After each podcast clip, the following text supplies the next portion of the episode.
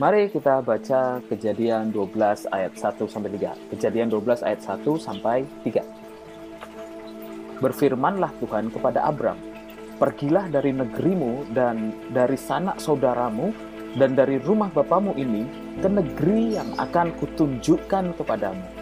Aku akan membuat engkau menjadi bangsa yang besar dan memberkati engkau serta membuat namamu masyur dan engkau akan menjadi berkat."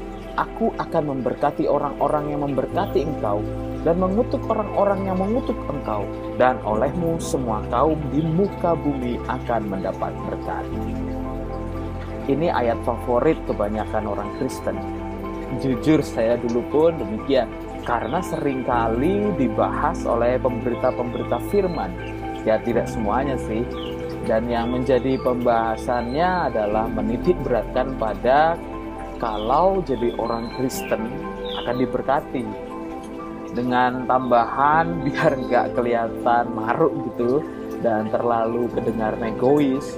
Kalau sudah diberkati ya harus jadi berkat. Bagaimana dengan anda?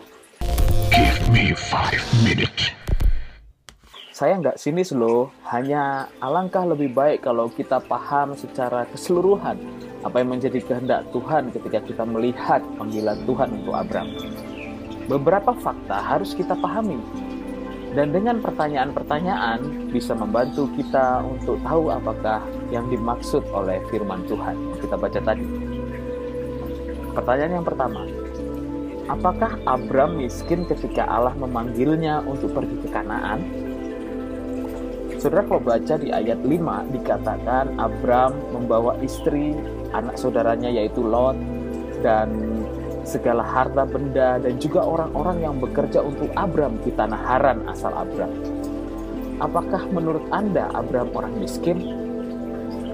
Ayat ini justru berkata sebaliknya, saudara. Nah, sekarang pertanyaan yang kedua. Apakah Abram berangkat ke Kanaan disebabkan janji Allah atau panggilan dan perintah Allah. Begini saudara, kalau misalnya ya, misalnya Pak Presiden mau jumpa Anda dan kasih Anda mandat, apakah pikiran Anda langsung berkata, wah aku bakal jadi orang kaya nih? Kalau memang iya seperti itu pikiran Anda, Anda gawat memang. Namun secara realita Anda pasti sangat senang ketemu Pak Presiden toh dan pengen banget mengerjakan mandat dari beliau, begitu kan? Hendaklah kepikiran pengen jadi orang kaya kalau mengerjakan mandat beliau. Jelas Anda akan dengan sangat bersemangat mengerjakannya karena yang memberi mandat adalah Pak Presiden sendiri. Itu tidak saudaraku. Mungkin setelah mengerjakan mandat tersebut dan berhasil, Anda bisa saja jadi orang kaya. Atau dalam mengerjakan mandat Anda difasilitasi, bisa demikian. Tapi utamanya kan bukan itu. Namun perintahnya lah yang penting. Betul tidak?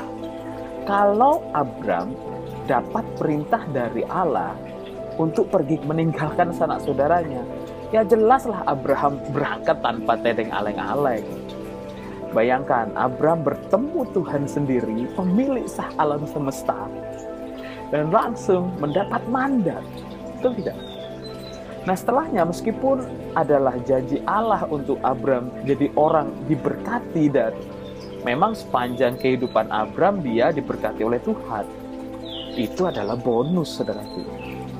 Jadi adalah salah kaprah kalau Anda ikut Tuhan dengan atau iming-iming jadi kaya dan diberkati. Maafkan saya, memang kita akan diberkati, namun gak harus selalu jadi kaya lah. Kalaupun dalam perjalanan kehidupan Anda bisa jadi kaya, siapa yang nolak, ya kan? Namun kalau tidak, apakah Anda akan meninggalkan Tuhan? itu terlampau remeh saudaraku.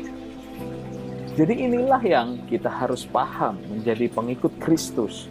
Bukan sekedar atau beriman jadi orang kaya dan diberkati, namun berbahagialah karena Anda itu dipilih Tuhan secara langsung untuk menjadi umat kesayangannya. Meskipun dalam sepanjang jalan kehidupan Anda penuh dengan liku-liku, dan justru malah penuh dengan berkat, baik jasmani atau rohani. Namun, berbahagialah karena pemilik semesta memilih kita, mati buat kita, dan kita jadi umat kepunyaannya sendiri. Dan itu semua lebih mewah dari harta kekayaan yang merupakan karunia Allah. Tetap berjuang dalam kebenaran, saudara. Mari kita jadi anak Tuhan yang cerdas dan bukan yang remeh-remeh. Semoga firman Tuhan membersihkan kita untuk menjadi murni di hadapannya.